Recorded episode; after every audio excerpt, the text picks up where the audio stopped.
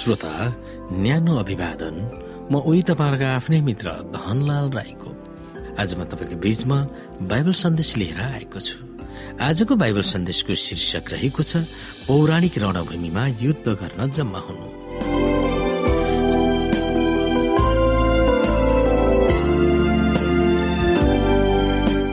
श्रोत साथी एफिसी छ अध्यायको दसदेखि बिसलाई हामी हेऱ्यौँ भने त्यस बेला पावलले प्रयोग गरेको क्रियापद उभिनु वा खडा हुनु भन्ने प्रयोग गरेको विभिन्न शैलीहरूलाई हामी सोच्न सक्छौ। उनको निम्ति यो धारणा किन महत्वपूर्ण छ? यहाँ दसमा लेखेको छ अब अन्त्यमा प्रभुमा र उहाँका शक्तिको सामर्थ्यमा बलवान हो। दियावलसका युक्तिहरूका विरुद्धमा खडा हुन सक्नलाई परमेश्वरका सारा हात हतियारहरू धारण गर। किनकि हामीहरूको युद्ध शरीर र रगतको विरुद्धमा होइन तर प्रधानताहरूका विरुद्ध शक्तिहरूका विरुद्ध वर्तमान अन्धकारका सांसारिक शासकहरूका विरुद्ध र स्वर्गीय स्थानहरूमा भएका दुष्टैका आत्मिक सेनाहरूका विरुद्धमा हो। यसै कारण परमेश्वरको सारा हात हतियार उठाओ र यसरी खराब दिनको सामना गर्न सक र सबै काम गरेर खडा हुन सक्ने हो।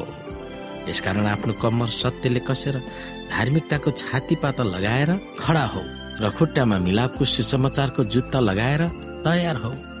साथै विश्वासको ढाल उठाऊ जसबाट तिमीहरू दुष्टका अग्नि बाणहरू निभाउन सक्नेछौ। मुक्तिको तोप लगाऊ र पवित्र आत्माको तरबार ल्याऊ जो चाहिँ परमेश्वरको वचन हो। सारा प्रार्थना र निवेदन साथ सबै समय पवित्र आत्मामा प्रार्थना गर।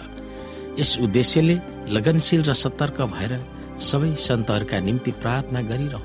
मेरो निम्ति पनि प्रार्थना गर कि जब म आफ्नो मुख खोल्छु तब मलाई वचन दियोस् र म निर्भयता साथ सुसमाचारको रहस्य घोषणा गर्न सकु।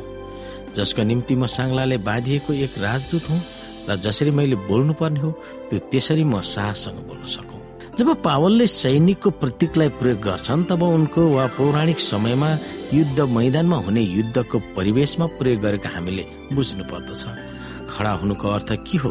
के युद्धसँग प्रतिवाद गर्न मात्र खडा हुने हो त? पौराणिक साहित्यको प्रख्यात लेखक थसाई डिडसले युद्धको बारेमा बयान लेखेका थिए। यदि लडाईँ जित्नु छ भने सैनिकहरूले युद्ध भूमिमा भाषण सुन्नुपर्छ। सफल युद्धको निम्ति क्रियाकलापहरू गर्नुपर्छ भनेर उनले लेखेका छन्। सैनिकहरू एक जत्था भएर शत्रुको सामना गर्नका निम्ति अगाडि बढ्नुपर्छ। अनि तिनीहरूले द्रुत गतिले निडर भएर शत्रुसँग युद्ध गर्न हाताहात गर्नुपर्छ। अन्त्यमा तिनीहरूले शत्रुलाई परास्त गर्नै पर्छ। यो पौराणिक युद्धको मुख्य छेड त्यस बेला हुन्छ जब दुई सेनाहरू आफूसँग भएका हात हतियारहरूले अर्कोमाथि वज्रघात गर्छन्। त्यस बेलाको तिनीहरूको टक्कर एकदम भीषण हुन्छ।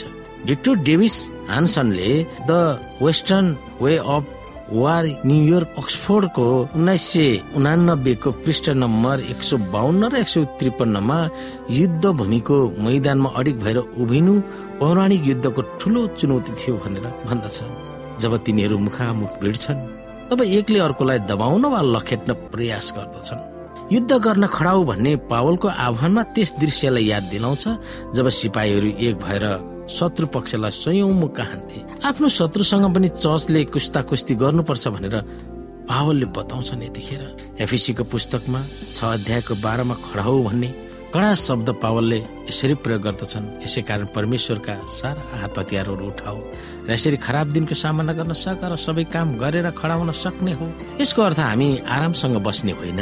खडा हुनु भनेको हामी युद्ध भूमिमा जोसिलो र हट्टाकट्ठा भएर लडाई गरिरहनु हो।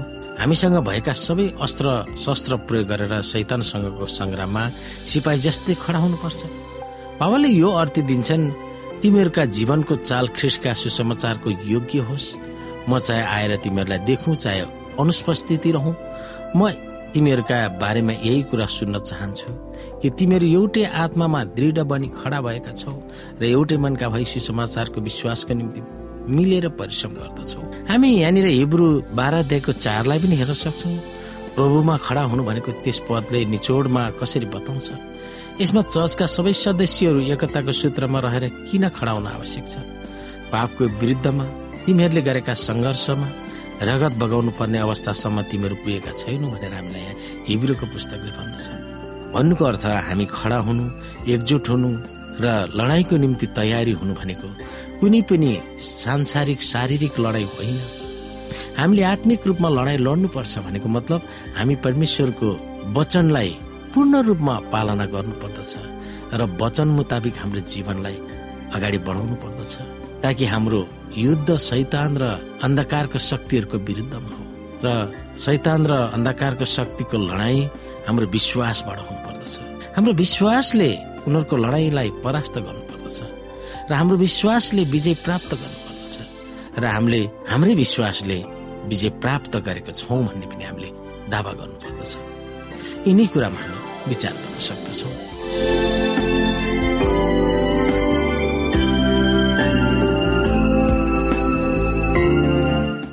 श्रोता आजको लागि बाइबल सन्देश यति नै। हस्त नमस्ते जय मसिंह।